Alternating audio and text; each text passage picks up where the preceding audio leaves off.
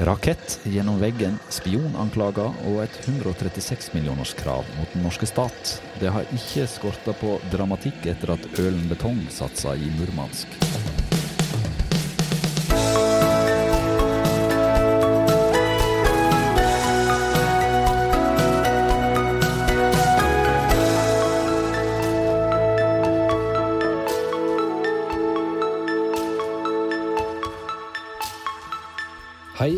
Velkommen til en ny episode av Byggeindustrien bygg.no sin podkast Byggeplassen. Jeg heter Frode Aga, og i dag så skal vi snakke om en norsk bedrift fra Vestlandet som i 2007 valgte å etablere seg i Murmansk med en egen betongfabrikk. Dette er ei historie fylt med oppturer og nedturer, og ikke minst mye dramatikk som i løpet av den første veka av februar 2020 når sitt foreløpige toppunkt når Ølen Betong sin rettssak mot den norske stat starta i Oslo tingrett. Ølen Betong mener at Norsk E-tjeneste og PST har forsøkt å verve ansatte i Murmansk som informanter. De skal ha sagt nei, men det har likevel skapt store problem for bedriften. To av nøkkelpersonene er blitt utvist fra landet i ti år, og selskapet krever nå en stor erstatning. Hvorfor de har havna i en delikat spionkonflikt med staten og krever 136 millioner kroner i erstatning, det skal vi nok komme mer inn på i den neste halvtimen. For mannen som står midt i denne stormen, det er du, Atle Berge grunnlegger av Ølenbetong. Kan du fortelle hva de tenkte da de gikk inn i Murmansk, for å gi oss et lite bakteppe her? Ja, det skal jeg prøve. For det første vil jeg presisere at det er da eierselskapet eh, vårt i eh, Norge, Ølen Betonggruppen, eh, sammen med det russiske selskapet som har stevna staten Ølen AS er i dag i en litt annen sammenheng, så jeg finner det rett å presisere dette. Men litt tilbake i tid. Eh, Ølen hadde store oppgaver i Nord-Norge. Eh, både på 90-tallet, 80-tallet, eh, 90-tallet og opp på 2000-tallet, da, da, vi hadde produksjon til Snøhvit-anlegget i 2002 til 2007 ca. Og det enda òg med at vi kjøpte en avdeling, etablerte en avdeling i Hammerfest, og har i seinere òg kjøpt oss inn i både i Kirkenes uh, og, og, og Vadsø-avdeling via Kirkenes Ferdigbetong. Interessen om uh, Murmansk den kom sigende. Det var først Stokmann. Uh, der skulle mange se, og det var mange som valfarta til, til Murmansk. og skulle se på mulighetene. Et, noen trodde Klondyke. Eh, andre så vel at det var ikke så enkelt. Og noen hadde ikke gjort det så bra i Norge og trodde kanskje det ja, skulle bli veldig greit i Russland. Slik er det ikke. Så vi etablerte oss der, bestemte oss da i 2006 etablert, Begynte å etablere oss i 2007-2008 og tok det steg for steg. Så kom jo den såkalte finanskrisen, og den slo òg inn i Russland, selv om ikke det var så sterkt oppe i nord, for det var, det var, lite som var planlagt i forkant. Ehm, men det var et stort norsk prosjekt, Arctic Arena, som var på, på banen der. Og det var Oslo-interesser, og det var en herværende herremann som er ganske gammel, som er stor i, i eh, eiendomsmarkedet, som òg skulle være med. Jeg har et kjent navn. Er det Olaf Thon vi snakker om her? Det var Bra tippa. Det var bra tippa.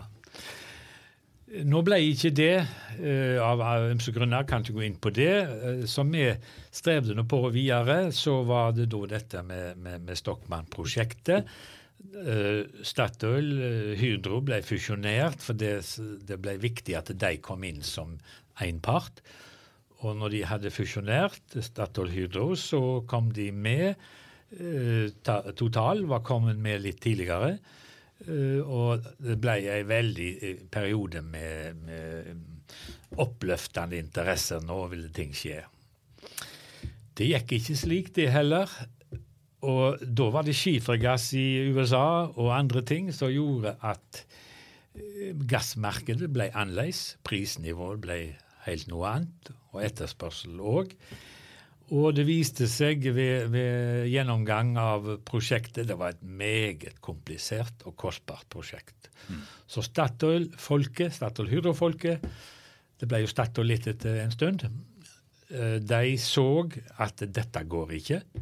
Og de kasta på en måte kortet, gav beskjed at eh, det er ikke modent, dette ennå. Og de leverte vel òg aksjene sine tilbake. Eh, da hadde de brukt ganske mye penger, eh, og Total gjorde det samme eh, litt etterpå. Så da var det egentlig en litt sånn problematisk start for dere? Det ble ingenting av det som skulle være det veldig store. For det gikk jo inn med ganske masse penger. Det var vel en investering på 45 millioner kroner? Ja, vi gjorde det, for du, du må jo bruke litt penger når du skal etablere deg. Men vi hadde vår investering todelt. Det var det var eh, ting for det, skal vi si, det regionale markedet eh, i Murmansk eh, som vi først og fremst så på. Og det som måtte være olje- og gassrelatert, det måtte jo komme seinere som en mulighet. Det ble ikke, så vi satsa på det vi, vi, hadde gjort hele tiden, og bygde ut steg for steg i de årene. Åtte til elleve, tolv. Litt opp og ned. Så var det en fin utvikling i Murmansk, i nye kjøpesentre. For det, det, begynte å komme. Og det ble bygd to store kjøpesentre eh, som, som, til folks eh, store fornøyelse. Så dermed så var det tilgang på, på det meste i Murmansk, samme som de gjerne måtte til Kirkenes eller til Finland for å, å finne tak i eh, ellers. Mm. Men eh, du, du, må jo fortelle litt om deg oppi det hele her. For at du valgte jo da å bosette deg, og eh, du var jo daglig leder i Russland. Bosette deg i Murmansk av alle plasser. Hadde ikke det vært mer fristende å etablere virksomhet på Costa del Solda istedenfor i grå Murmansk? Spania, eller kanskje Gran Canaria. Det var kanskje ikke så mange spennende prosjekter? Nei, men nå hadde jo vi vært i Nord-Norge eh, i noen år før, i forsvarsprosjekter og andre. og jeg er litt fascinert over den nord, modellen i nord. Eh, litt på mørke netter eh, noen deler av året, men det er jo snø, så det er jo lyst. På Vestlandet så er det like mørkt eh, når det er surt og regn. Og så, så jeg, jeg, klarte det klarte greit. Det. Jeg klarte det greit. Og du bodde der oppe i ganske mange år? Jeg bodde der ikke på 100 i, men det var litt viktig at eh, jeg ble sånn uh, skattyter ja. til Russland. Og da må du være over 180 dager. Så så jeg òg at når du skal drive noe i Russland, så må du være til stede. Der kan du ikke legge lange, flotte planer og tro ting går av seg sjøl. Der eh, må du så å si være til stede. Da må du være hands on. Hands on. Du, og det ble det. Det ble det. I uh, forkant av denne eh, podkasten her, så måtte en jo lese seg litt opp. Uh, og da kom jeg over en artikkel i Nordlys der det er bilde av deg framfor et hull i en vegg. Uh, I tittelen så står det noe sånn 'Her gikk raketten gjennom veggen'. Dette må du fortelle om. Var det, sånn, det, var ikke typisk arbeidshverdag alltid der oppe? Hva skjedde? Det, i, i, I Murmansk eh, det var jo en rusten stad. Og, og historien var jo ikke altfor god, så vi opplevde en del ting. Men jeg har sagt det i mange forbindelser, altså de tingene som en opplevde der, blant annet denne raketten gjennom kontorveggen, og, og, flere andre, det er hverdagslige historier som jeg tåler godt. hverdagslige historier med en rakett i veggen. Det ble jo spennende når vi skulle finne ut av det, for da fikk vi besøk av alle disse highflyende organene i, i Murmansk. Eh, forsvaret, politi, antiterrorgruppen eh, og, og, flere andre sånne grupper som kom med store uniformer og skulle se hva dette var. Men det var interessant å følge etterforskningen, og en fant jo ut til slutt at det var resultatet av noe vodka og naboskap som drev med teknologiutvikling. Og ikke hadde helt styring på altså, hva de det, opp. det var rett og slett eh, et hendelig uhell i fylla. Det er én måte å si det på. De drev på og lagde raketter hjemme og drakk litt vodka, og så smelte det. Og så fikk de ikke til å gå helt den men, banen. men det var vel kanskje mer dramatisk allikevel, for de trodde vel at det var noe ganske annet når antiterrorpolitiet kommer inn og, og sånne ting. Hva var det de trodde? til å begynne med, og de russiske som gav beskjed og ringte, de var nok litt mer forfjamsa i, i telefonoppringningen. Jeg eh, så jo at dette, dette har nok en forklaring. Kunne blitt ille. Det kunne blitt full brann. Eh, det var jo tre eller, brakker eller kontor. Eh, men det gjorde ikke det. Men eh, det ble brann i en bil, har jeg òg lest. Og det var din bil. Ja, det var min flotte Tuareg eh, V8-er, som var fantastisk god. Den kom dessverre midt imellom en busstrid i Murmansk, der da det var to eiergrupper som var i krig, eh, i strid med hverandre. Og jeg kom hjem uh, på der som jeg bodde, og parkerte mellom 11 og 12 en kveld. Jeg jobbet veldig mye utover, utover kvelden, og parkerte på den plassen som var ledig. Og da sto jeg rett framfor en Lexus, og i løpet av natten så setter noen fyr på den Lexusen. Men vinden sto slik at den, den, den dredde bort, og så tok det òg fyr i min Tuareg. Så det var ikke et angrep mot eh, ølen Nei, betong det var der. indirekte. Så det, det er mange indirekte angrep mot deg til Ja, Andika der ja, oppe. ja. Men skal vi eh, rett og slett gå rett på, rett på rettssak? Eh, innledningsvis så sa jo jeg at, eh, at det har da retta et 136 millioners krav mot den norske stat. Det er en sak nå som kommer opp i Oslo tingrett. Uh, her må du nesten dra et lite bakteppe her. og Hva i all verden er det som gjør Da- at det da- mener de har krav Ja, på Da må vi litt tilbake til igjen det vi snakket om Stokmann. Det ble ingenting Stokmann. Verken for oss eller andre, og ikke for Statoil heller. De brukte nok flere hundre millioner på dette, og jeg møtte jo en del av disse folket. eh, og det var jo koselig i seg sjøl. Også en tidligere betongmann, Knut Lie Hansen, eh, hadde sin bror som var veldig sentral i, i, i da Hydro, sin russlandspolitikk. Han ble jeg godt kjent med. Og det var jo litt interessant. Men det ble ikke Stokmann. Men i 2013 begynte vi å arbeide med et annet prosjekt, Jamal.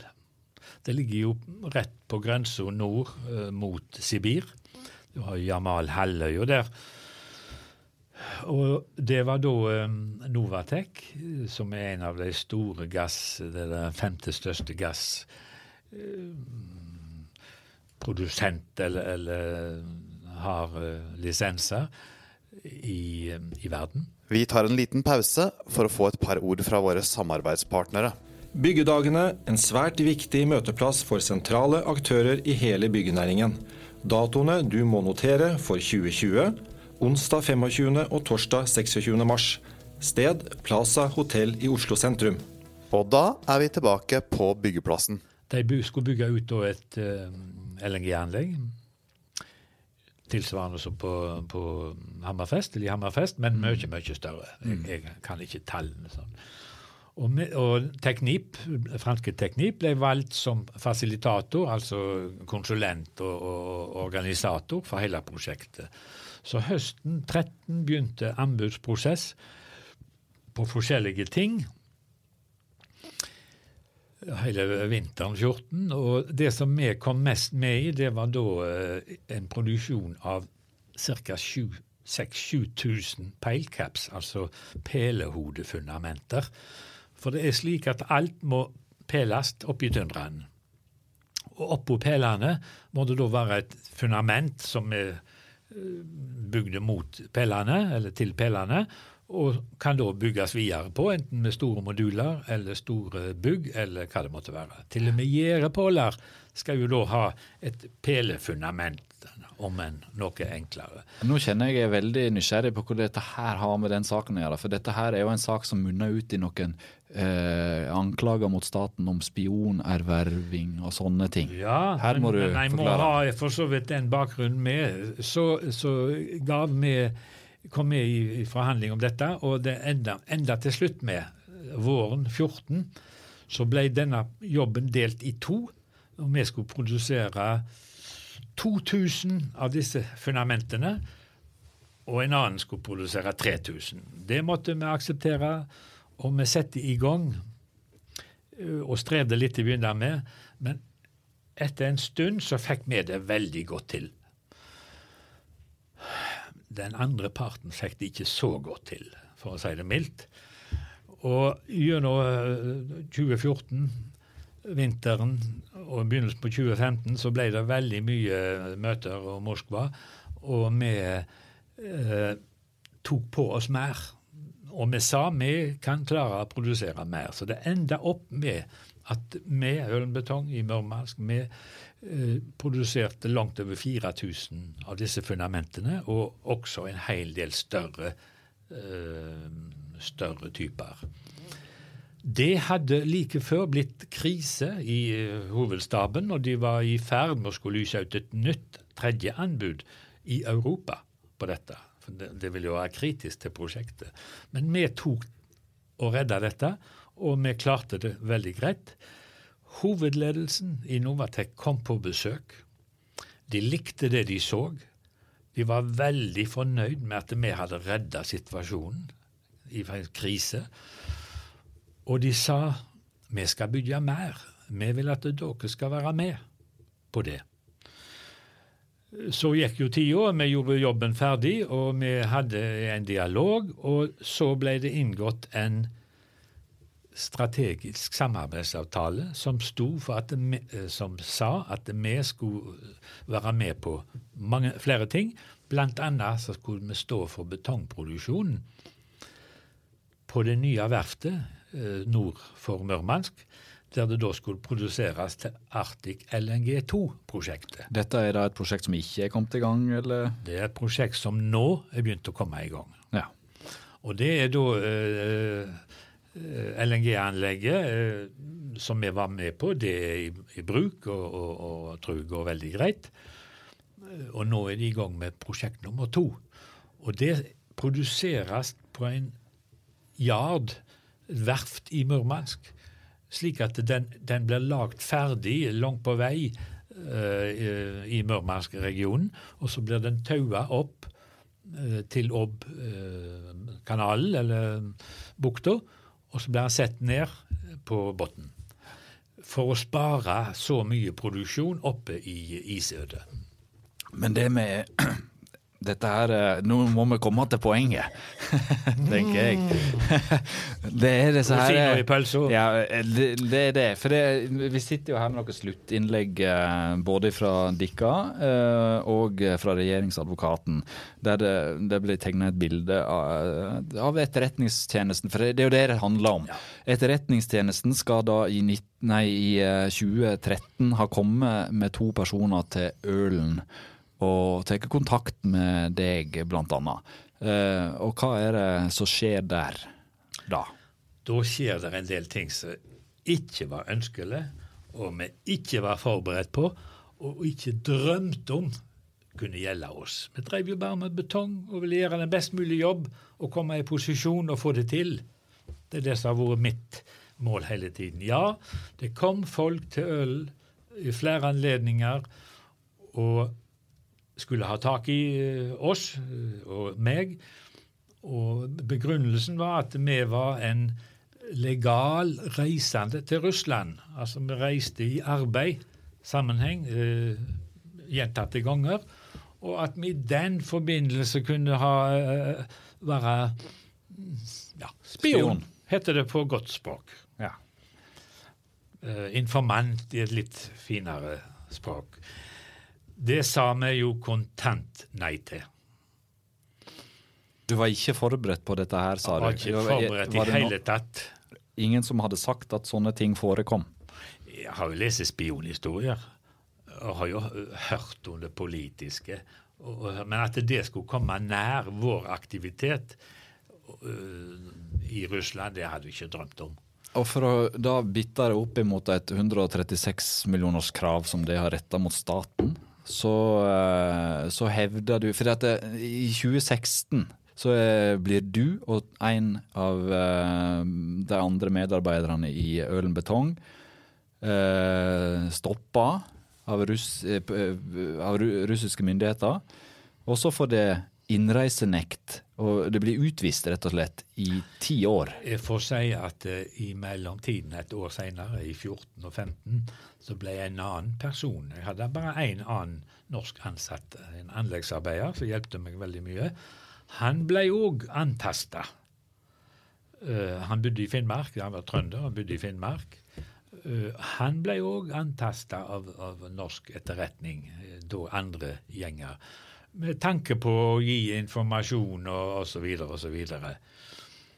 Han ble først Og dette ble observert av den russiske etterretningen. Så ble han tatt inn til forhør, kidnappa med tøft forhør med pistol på tinningen. Og da forteller du normalt sett det som det blir spurt om. Og ikke så veldig lenge etterpå, og så fikk han en innreisenekt på ti år. Så, og, og, det var jo veldig kjent i, i nord at uh, eller i Murmansk, at uh, både Kurstø, som han heter, og Atle Berge vi var de to eneste i, i den norske bedriften Ølbetong. Det har alle oversikt over. Så ble jeg òg tatt til forhør. Og det var samme dag, det var i mai i 16, som jeg hadde besøk av uh, nordmenn så ble jeg òg tatt til langt forhør og, og ble eh, beskyldt for å jobbe mot norsk etterretning. Noe som jeg sa nei til, men jeg innrømte at de har vært og prøvd seg. De har kontaktet oss, men vi har sagt nei. Så blir jo selvfølgelig russisk etterretning, FSB, som er noe eh, usikker. Hva skal vi gjøre? Stemmer dette? Stemmer det ikke? Så de tok og utviste meg òg for ti år.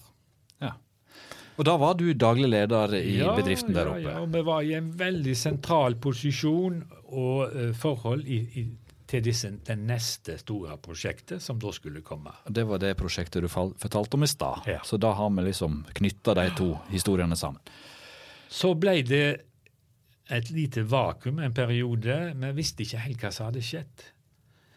Og jeg brukte veldig mye ressurser for å finne ut hva har skjedd. Og jeg brukte både folk fra Russland som jeg kjente og kunne bruke, og, og andre. Og etter ei stund så begynte bildet å klarere. Det var norsk etterretning som var på jakt etter oss, kontakta oss, altså de norske, som var blitt kjent for russisk etterretning, som følger veldig nøye med i Kirkenes. Og når russerne ser dette, så sier de nei, Ølen Betong, spionfabrikk, de kan vi ikke samarbeide med. Dermed så røk hele opplegget for oss. Det er jo det de skal prøve å bevise. Det skal vi prøve å bevise. Det blir en stor oppgave. Og det er det vi legger summen ja. Eh, bakgrunnen for, og, og, som hovedbeløp. Jeg tror, eh, jeg skal spørre deg litt mer om det etterpå, eh, akkurat det med summen og sånne ting. Men jeg tror det er på sin plass å fortelle at byggeindustrien uh, har vært i kontakt med både regjeringsadvokaten som fører saken på vegne av staten. Vi har vært i kontakt med Politiets sikkerhetstjeneste, PST, og E-tjenesten og tilbudt alle å komme her og ta praten med deg her. Ikke overraskende så sa alle nei. Eh, de kan jo ikke kommentere sånne forhold like enkelt som det du kan.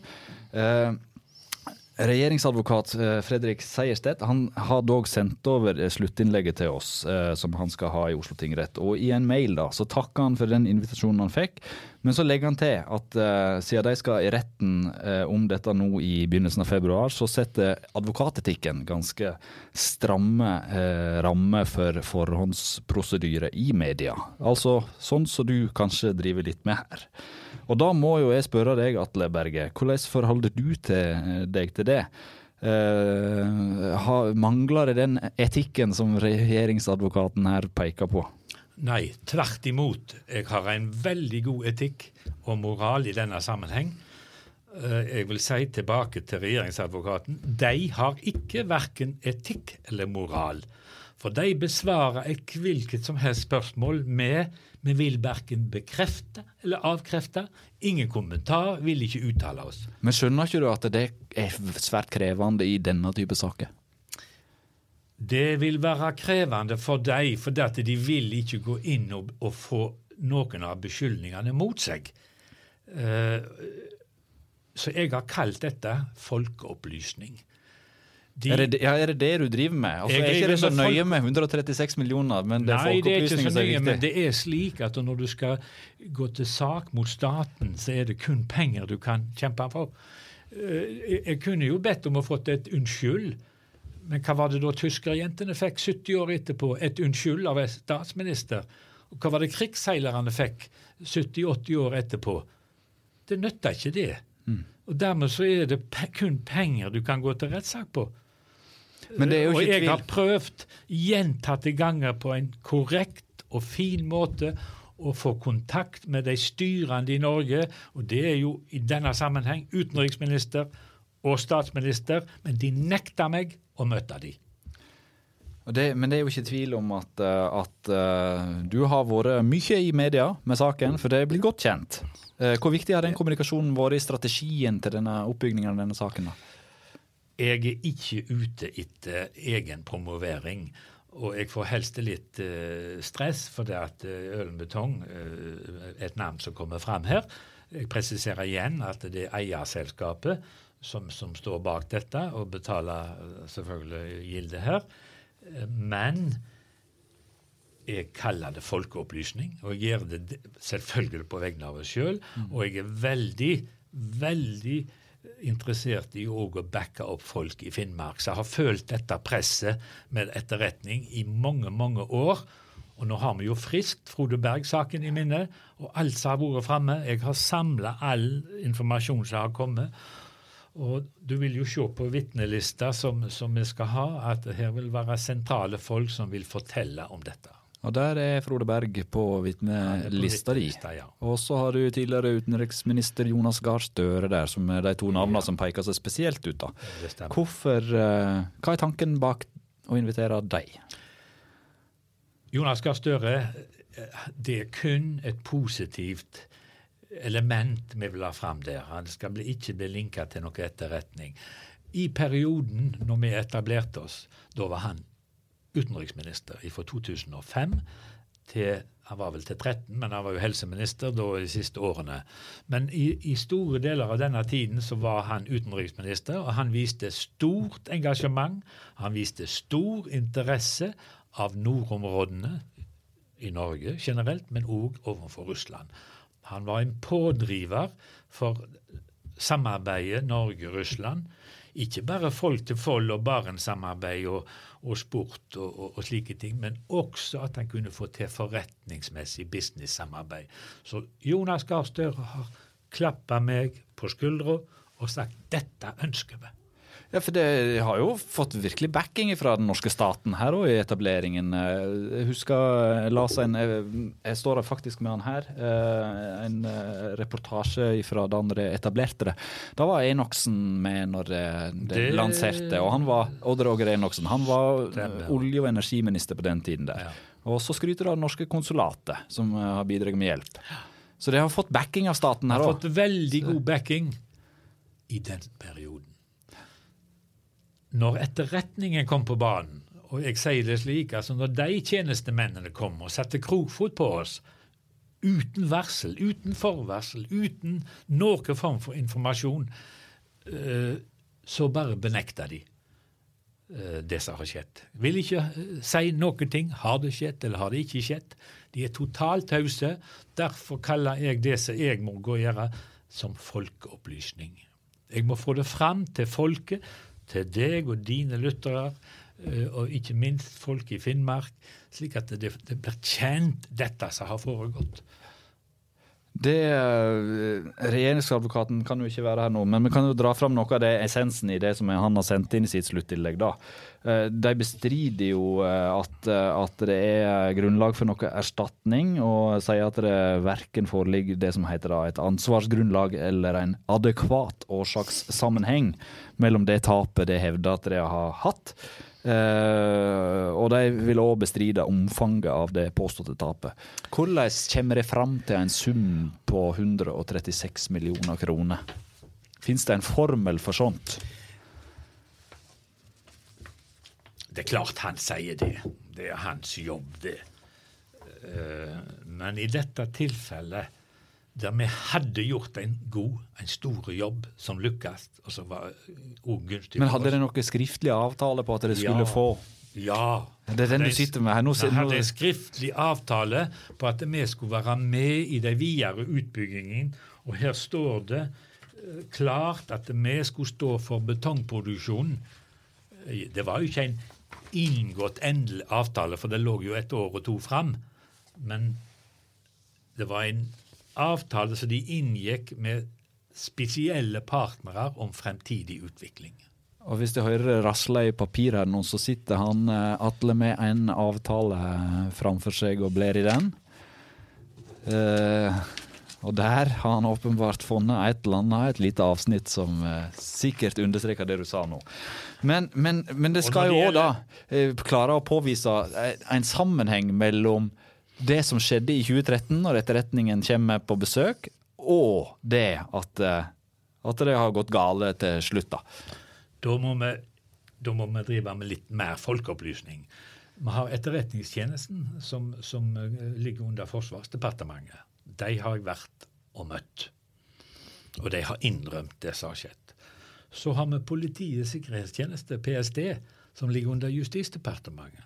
Og de arbeider begge òg på grensa i Finnmark mot Russland, og driver om hverandre et uryddig spill og arbeid, ikke koordinert og uforsiktig og ufornuftig.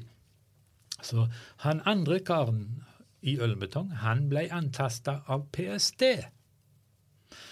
Og Dermed så blir det kompleks, for det er kombinasjonen PST og E-tjenesten. Kanskje en av de i seg sjøl ikke ville, ville gjort det, men kombinasjonen her leda tilbake til Ølbetong i Murmansk, som FSB hadde full kontroll over. Det har de.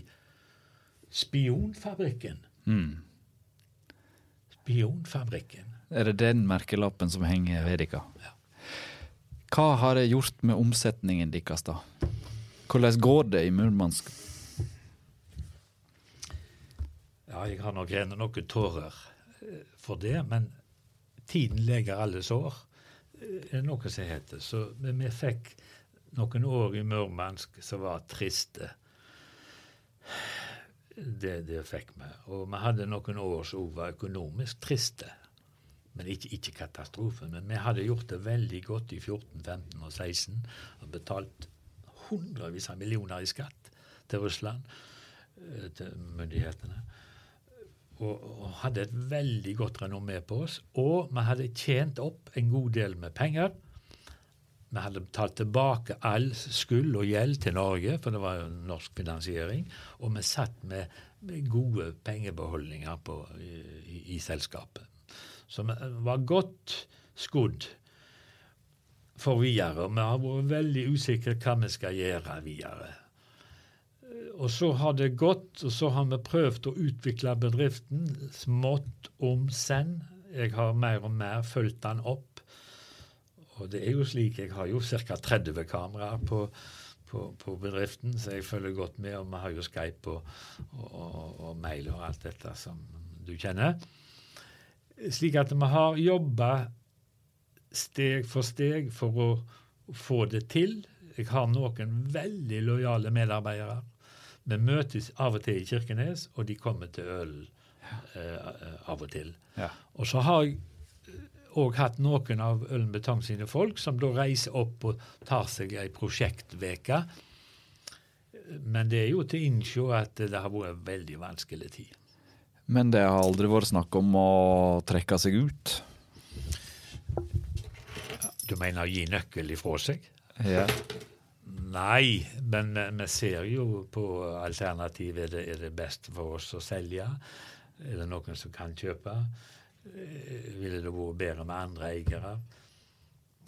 Klart de spørsmålene har vært framme. Hvordan er framtiden til Ølen betong i Murmansk, da? I, sist, eh, altså 19, har vi et rimelig greit år. Og i 20 så blir det òg, tror vi, rimelig greit år.